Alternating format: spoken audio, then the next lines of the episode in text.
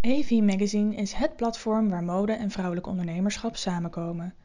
In de AV Magazine podcast ga ik, Annelies Keus, het gesprek aan met vrouwelijke ondernemers met een bijzonder verhaal. In deze aflevering praat ik met Laurel Bodenhorst Meijer.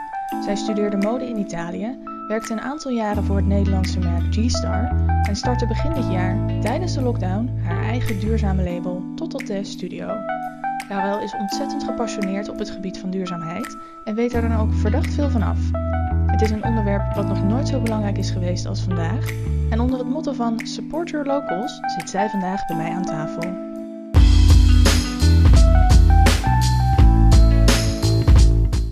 Laurel, welkom. Leuk dat je er bent. Yes. Hoe is het met je? Goed, goed, goed. Ja. Hoe ervaar jij je, hoe ervaar je leven in lockdown? We zitten nu in lockdown 2.0. Ja. Hoe kijk jij tegen het leven aan? Ehm, nou ja, ik denk zoals iedereen eh, wel een beetje gemixt, maar eh, je probeert er allemaal het beste van te maken.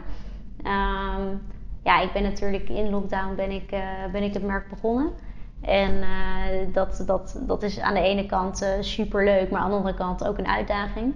Ehm, maar ik denk dat iedereen nu in een, in een fase zit waar alles een uitdaging is. Dus uh, ja, alsnog positief. Altijd positief blijven, denk ik. Uh, ja, nou dat, is goed om te horen. Ja. Fijn dat je nog positief in het leven staat. Ja. ja want zoals je al aangaf, jij lanceerde recent Tototest Studio. Een lijn met ethisch geproduceerde luxe laptop sleeves. Je hebt ja. hier een paar bij je. Ze zien er prachtig uit. In hele verschillende kleuren. Hoe is dit idee ontstaan? Um, nou ja, het is eigenlijk niet in één keer ontstaan. Het is meer een beetje gevormd. Um, maar als ik echt terug ga in de tijd, dan is het ontstaan op Polymoda. Ik heb uh, uh, op uh, Polymoda gestudeerd, dus de modeuniversiteit in Italië. En ik heb daar mijn master gedaan. En eigenlijk heb ik daar een enorme, ja, een enorm inzicht gekregen over hoe de hele mode-industrie in elkaar zit. Um, en ik heb daarvoor ook heel veel in de mode gedaan, maar nooit zo erg de diepte in gegaan. En toen zag ik van, wow, dit is dus hoe het er echt uitziet, globally, wereldwijd. En uh, toen ben ik toch wel achter mijn oren gaan krabben en gaan kijken van, hé, hey, ik hou van de mode en ik wil erin werken, maar tot waar ga ik en, en hoe wil ik mij daar zelf in bewegen? Mm. Um, en toen ben ik, uh, uh, eigenlijk toen ik terugkwam, wel fulltime gaan werken bij een, bij een PR-agentschap. Um, maar daarnaast was ik al mijn vrije tijd bezig om te kijken van... hé, hey, wat wil ik voor mezelf gaan beginnen? En dat waren uren in de koffiecompagnie met mijn laptopje. Um, en toen uiteindelijk, na toch wel uh, anderhalf jaar verder, uh, lanceerde ik mijn merk. Ja, dus die ondernemersdrive die zat er eigenlijk altijd wel een beetje in. Ja, ja, ja, ja, zeker. Oh, wat goed om te horen. Ja. En je hebt een heel uniek concept. Uh, want waar is het van gemaakt? Vertel.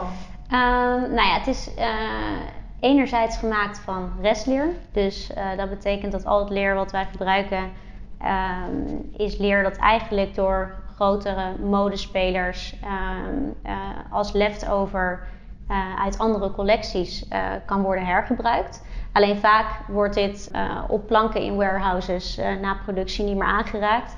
Uh, ook omdat er bij die grote merken um, uh, vaak nog een, uh, ja, toch wel een, een, een soort van privacy-achtige regels zijn. Of, of, of de angst om te laten weten aan de, of te laten zien aan de consument dat er zoveel leftover leer is. Of leftover fabrics, want het gaat natuurlijk over veel meer dan leer. En eigenlijk zijn daar weer tussenbedrijven voor die dit, of suppliers die dit opkopen. Uh, maar daarnaast zijn er ook heel veel grote merken die bijvoorbeeld voor um, bepaalde tassen uh, of, of lederwaren alleen een klein stukje van een stuk leer gebruiken, omdat dat het mooiste stukje is waar een bepaalde relief in zit, bijvoorbeeld. En dat andere leer wordt niet meer gebruikt. Dus dan heb je allemaal stukken leer en dat kan nog prima worden gebruikt voor kleinere leathergood. En uh, ja, dat is eigenlijk waar het leftover leer vandaan komt. En daarnaast zijn alle tassen uh, gevoerd met een uh, vintage sjaal. Die zijn allemaal uniek.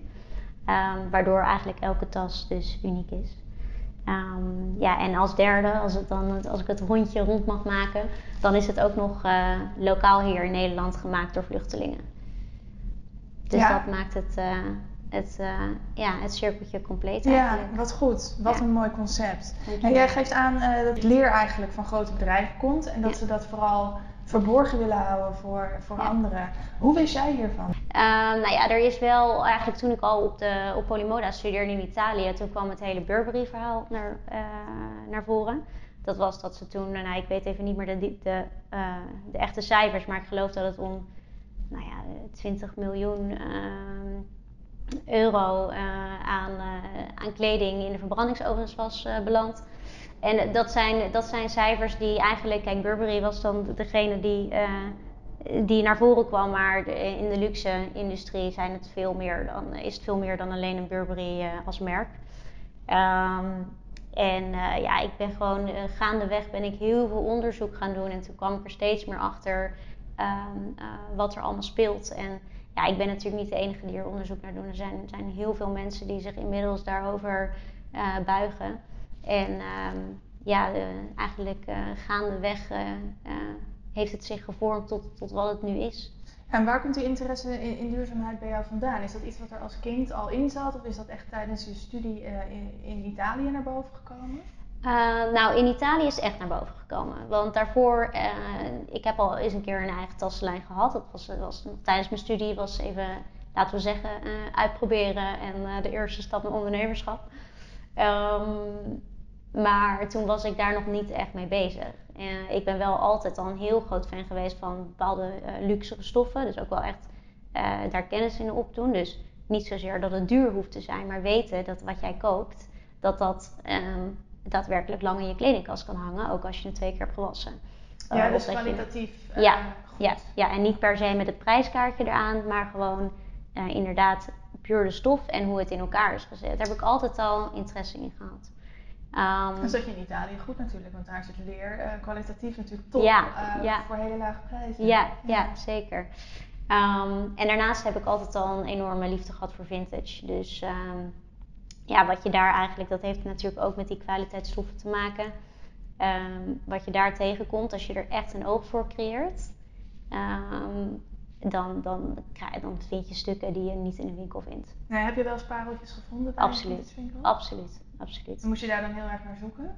Want mij lukt het nooit, hè? Want ik ga okay. vaak vintage winkels in en ik vind vaak hele mooie dingen. Ja. Maar dat je dan inderdaad hoort, uh, weet ik veel, een Chanel van 1920 ja. uh, voor een prikkie. Nou, dat, dat is mij nog nooit overkomen. Nee, nou, dat is mij, nou, niet, niet een Chanel, maar ik heb wel een paar hele mooie uh, Colberts van mooie merken.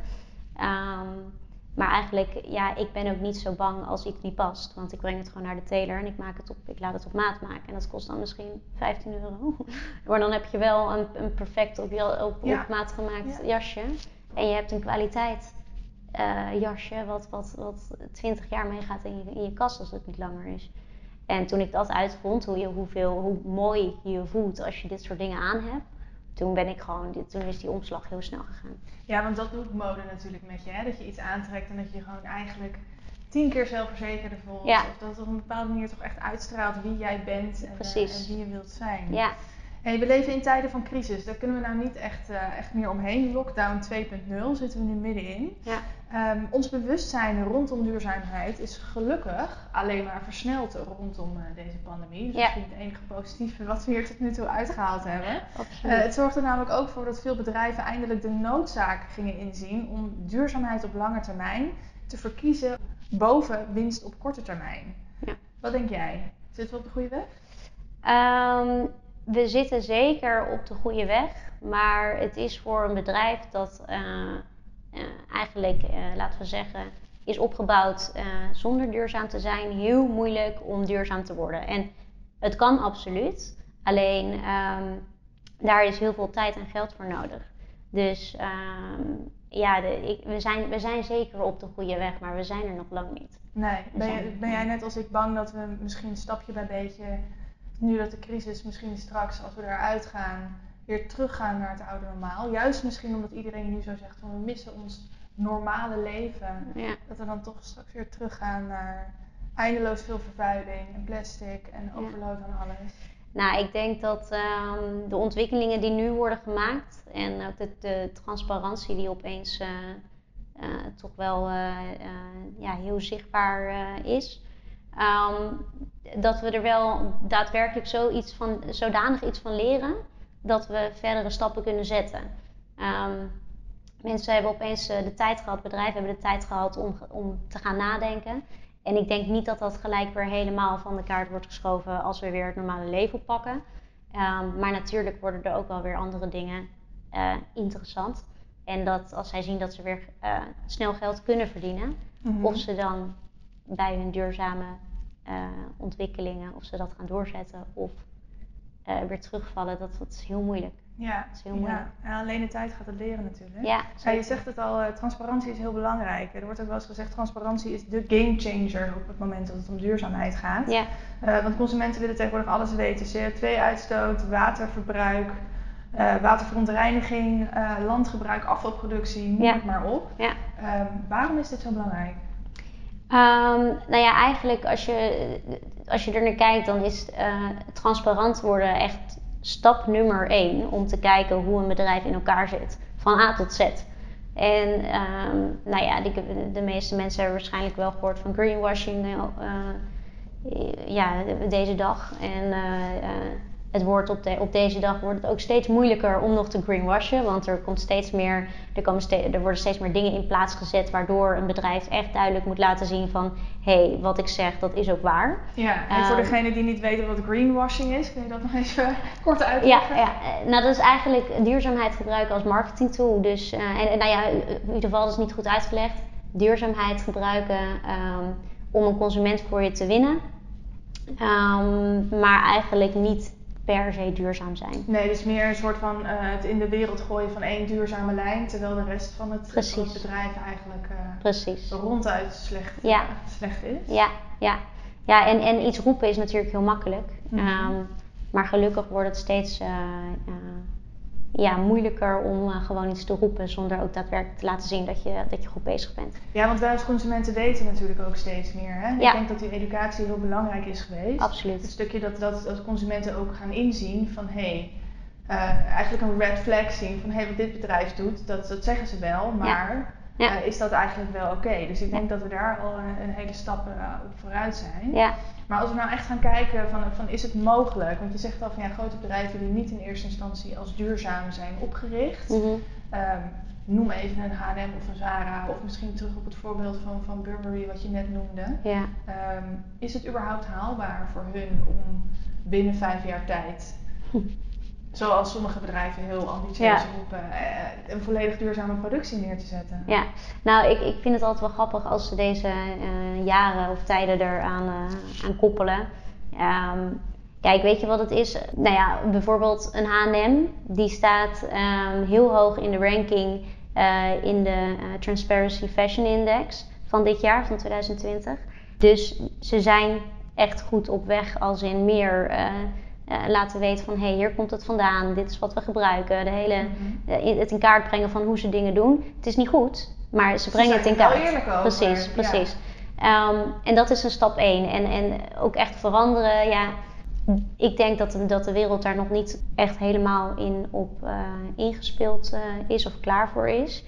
Um, vooral omdat als een H&M goedkoop wil blijven produceren, maar wel duurzaam wilt zijn, dat is op dit moment nog onmogelijk.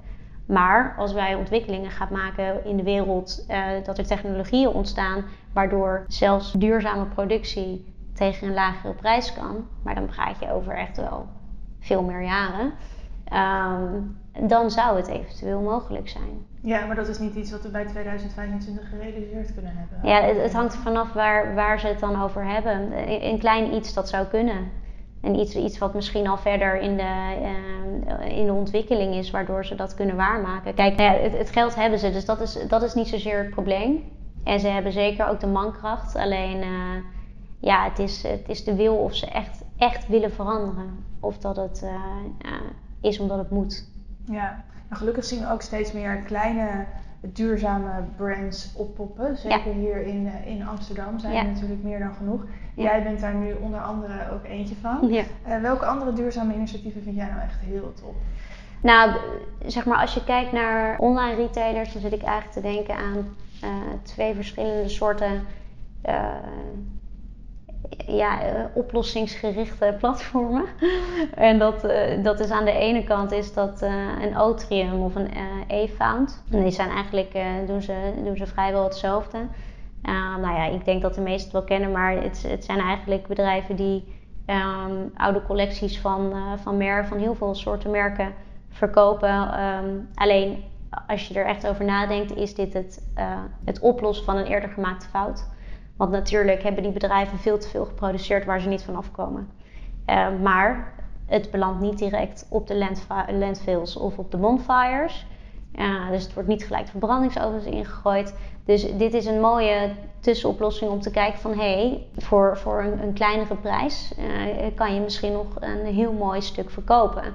En dat zijn wel nog nieuwe producten.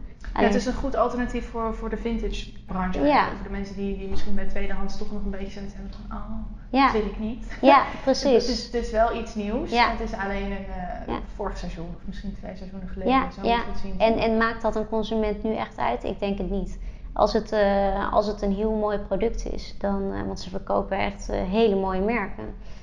voor, een, voor een heel mooi prijsje. Dus ga je dan voor dat jasje van 60 euro van de H&M van de Zara of ga je voor iets van uh, een Philippa K of uh, uh, een reis bijvoorbeeld. Dat zijn, dat zijn, die, hebben die hebben materialen, dat, dat, dat is fantastisch. -hmm. um, en daar, ja, dan heb je dus goed geïnvesteerd, lijkt mij. Maar een ander platform waar ik, um, wat ik echt heel, ja, dat, ik denk dat zij nog wel veel groter gaan worden. Ze zijn nog niet zo heel lang bezig, maar als ik het goed uitspreek is Fast Squat. Uh, het is eigenlijk een influencer uit, uh, uit Barcelona.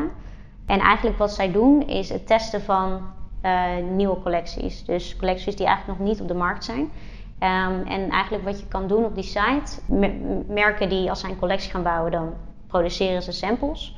Um, en het enige uh, wat is gedaan door die merken is het fotograferen van de sample, van, de, van het sample uh, voor webshop fotografie. Um, het wordt daar opgeplaatst en jij kan met korting op pre-order basis kan jij bestellen.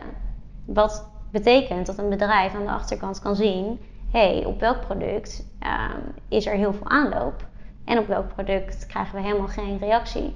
Waardoor zij kunnen zeggen bij de productie van hey, dit is waar we veel van, veel of meer van gaan produceren. En dit is um, wat we misschien er helemaal uithalen of minder van gaan produceren. Ja, ze willen eigenlijk het probleem voor zijn om in plaats van over te, overproductie, om daar een ander thuis voor te zoeken. Eigenlijk gewoon te voorkomen dat er te veel geproduceerd wordt. Ja, ja, en dan koop je als consument koop je het product met korting. Um, dus dat maakt het voor de consument weer interessant uh, om het alvast aan te schaffen. Ja, heel interessant. Ik was daar eerlijk gezegd ook nog niet bekend mee. Nee. Um, ik ga straks wel even een linkje onder deze podcast zetten uh, naar die website toe. Want ik denk hoe meer mensen daarvan weten, uh, hoe beter. Ja. Hey, ik wil het met jou ook nog heel even hebben over, uh, over het massale thuisblijven. Wat we natuurlijk begin dit jaar gedaan hebben. Dan heb ik het echt over de lenteperiode. Hm. Het is eigenlijk een enorme verandering in luchtvervuiling. Een positieve verandering. Ja. Zeker in, in, landen als China met natuurlijk miljoenen of biljoenen inwoners. Ja. Um, dat er echt gewoon in twee maanden tijd dat er gewoon met 30 procent, nou ja, ja. nu cijfers noemen, ik weet niet waar, maar met een enorme sprongen uh, de lucht ineens zoveel schoner werd. Ja. Waarom lopen zoveel bedrijven en consumenten dan nog steeds achter de feiten aan, denk je? Um, nou ja, ik denk wat, je, wat jij net ook al eerder zei, is dat uh, kennis is koning. En um, de consument krijgt nu, omdat er echt steeds meer media-aandacht komt naar, uh, naar wat we eigenlijk allemaal aan het doen zijn op de wereld um, ik krijg ze ook meer kennis. En ik denk uh, dat we ze ook even de, de tijd moeten geven. Um, want er, er, is een, uh, er is een tijd geweest dat duurzaamheid was een moeilijk en zwaar onderwerp. En mensen dachten altijd sowieso dat bijvoorbeeld duurzame mode dat, dat, dat het lelijk was. Of dat het, weet je wel... Dat ja, geitenwolle sokken werd Geiten, vaak, eh, Geitenwolle sokken. Ja. Maar ook nu, we kunnen natuurlijk veel verder dan mode denken. Het was gewoon een vervelend onderwerp. Mensen dachten van, oh, toch op. Um, maar dat komt ook omdat ze dus inderdaad niet zagen wat we aan het doen waren. En ik denk nu met de media-aandacht, dat je, je hebt de, de, climate uh, uh, actions die steeds meer uh, aan bod komen. En steeds meer documentaires over, over regenwouden die gewoon niet meer bestaan. die, omdat de bossen allemaal zijn gekapt. En je hebt nu natuurlijk ook weer mooie initiatieven, zoals een Plant a Tree, die daarvoor terugkomen. Maar ja, ik, ik denk dat het, het, het, heeft echt te maken met kennis. Vooral ook, ook als bedrijf, maar ook als consument. Uh, als zij meer te weten krijgen wat ze kunnen veranderen, zonder daar te veel voor hoeven in te leveren, dan hebben we al een heel groot uh, voordeel bereikt. Ja.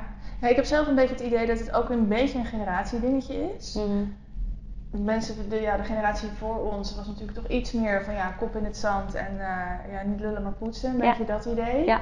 Uh, wat, je, wat je wel aangaf, ja, het werd allemaal een beetje bestempeld als een zwaar onderwerp. Ja. En de generatie die, uh, ja, waar wij in zitten, millennials en de generatie die na ons komt, die, ja, die realiseren zich van ja, maar wij moeten natuurlijk nog, uh, nog wat langer met de wereld door. En ja. als we zo doorgaan, dan, dan is het met 2050, dan zijn we er gewoon niet precies, meer. Precies, precies. Dus ik heb het idee dat ook de generatiekloof uh, te maken heeft met het feit dat we nu iets meer in gaan zien wat er allemaal gaande is. En dat daardoor het ook weer opgepakt is door de media. En dat het nu het bewijs eigenlijk komt met, uh, met de pandemie waar we nu middenin zitten. Precies, dat kan, ja. Ja, ja. het blijft toch inderdaad een heftig onderwerp. Maar ja. Misschien dat we er inderdaad ook toch op een positieve manier naar deze crisis moeten kijken. Tuurlijk is het allemaal afschuwelijk wat er gebeurt. Maar hopelijk heeft het natuurlijk ook ja. Uh, mooie gevolgen uh, voor de toekomst. Ja.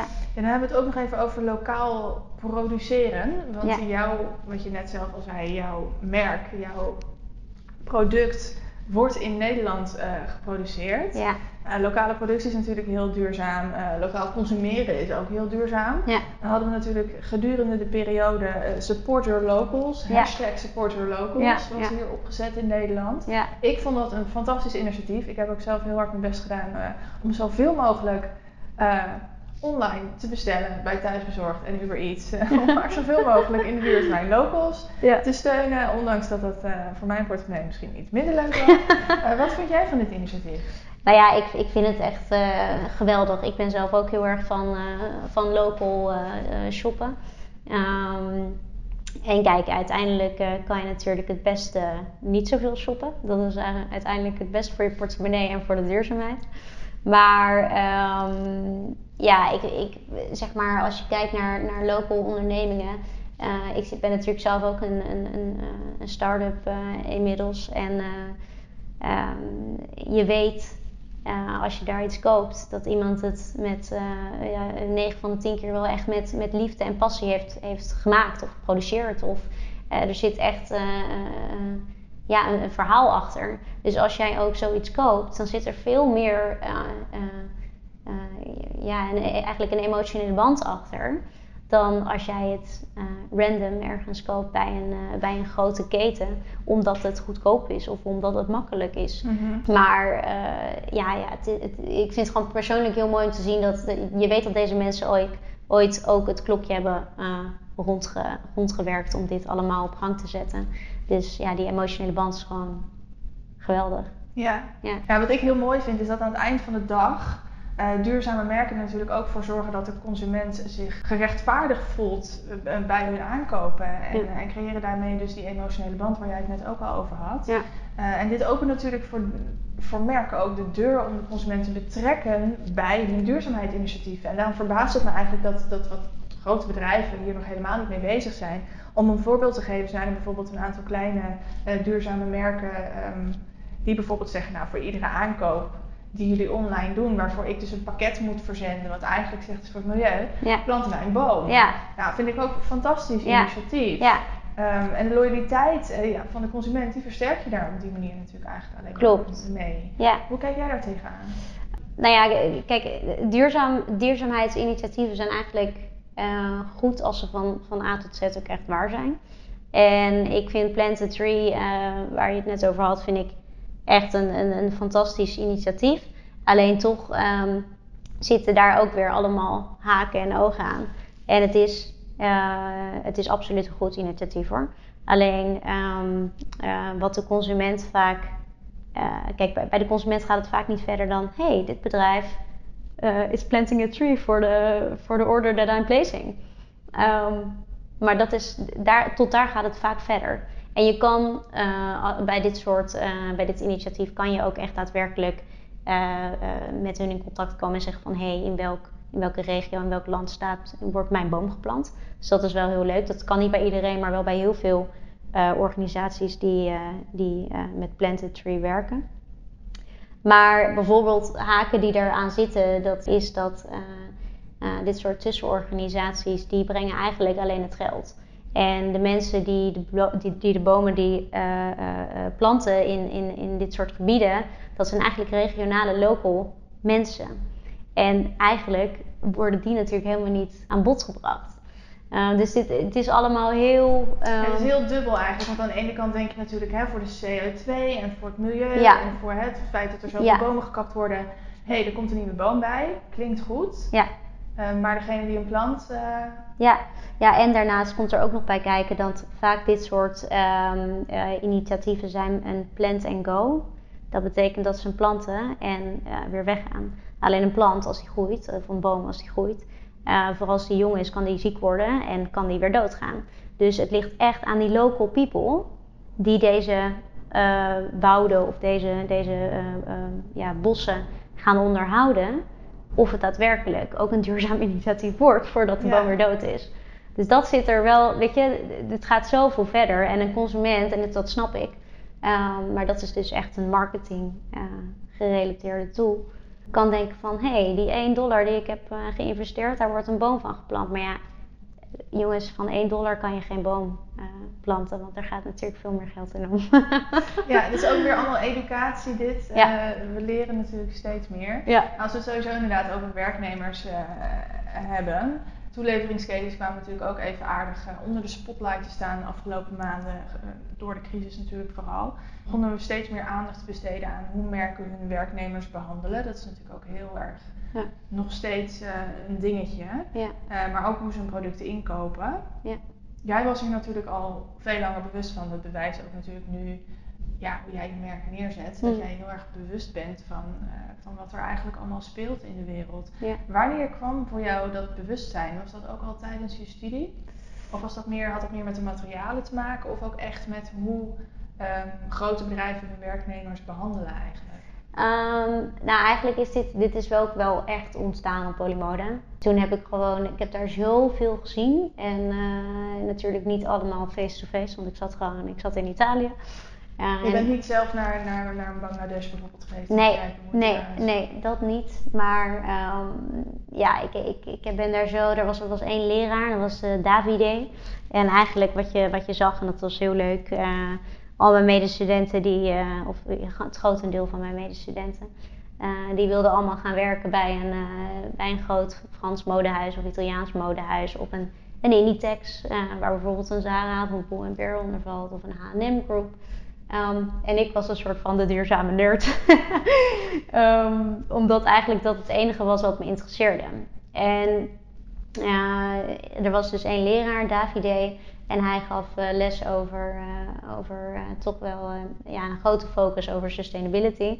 En ik ben me daar gewoon vanaf dat moment helemaal in gaan verdiepen. En toen dacht ik van ja, dit is wat ik wil ik, ga niet, ik wil de mode-industrie in, maar ik wil, het niet, ik wil het niet anders dan gewoon in de sustainable en verantwoorde mode-industrie. Ja. En dat heeft natuurlijk ook te maken met, met lokaal produceren. Dat is niet alleen een, een, een, een fabric wat je, wat je goed inkoopt of, iets, uh, of je iets goed produceert. Maar ook de mensen die erachter zitten, dat is misschien nog wel het allerbelangrijkste. Ja, ja het is heel goed ook dat daar nu eindelijk uh, een licht op geschenen wordt. Want dat zijn eigenlijk degenen die jouw kledingstuk daadwerkelijk produceren. En we kunnen hier nog wel uren over praten, maar ik wil graag afsluiten met één laatste vraag. Is goed. Hoe zou jij willen dat de wereld er post-COVID, post-lockdown, halverwege uh, in 2021 uh, eh, eruit komt te zien? Nou, ik hoop eigenlijk dat we natuurlijk doorgaan op dezelfde voet als dat we nu bezig zijn. Uh, dus de ontwikkelingen verder zetten en daadwerkelijk stappen gaan zetten om, uh, om verder te komen in de duurzaamheid en toch wel verantwoorde beslissingen overal. Um, maar als ik dan kijk naar echt uh, very post-post-COVID, is gewoon echt in de toekomst. Uh, dan hoop ik dat we helemaal op natuurlijke energie draaien en dat onverant produceren gewoon verboden is. Dus dat er een bepaalde regelgeving komt waardoor het echt niet meer kan. En ik denk dat helaas dat zoiets nodig is om daadwerkelijke verandering echt in gang te gaan zetten. Ja, daar ben ik ook bang voor. Laten we het hopen. Ja. Hey Laura, dankjewel voor je tijd. Dankjewel.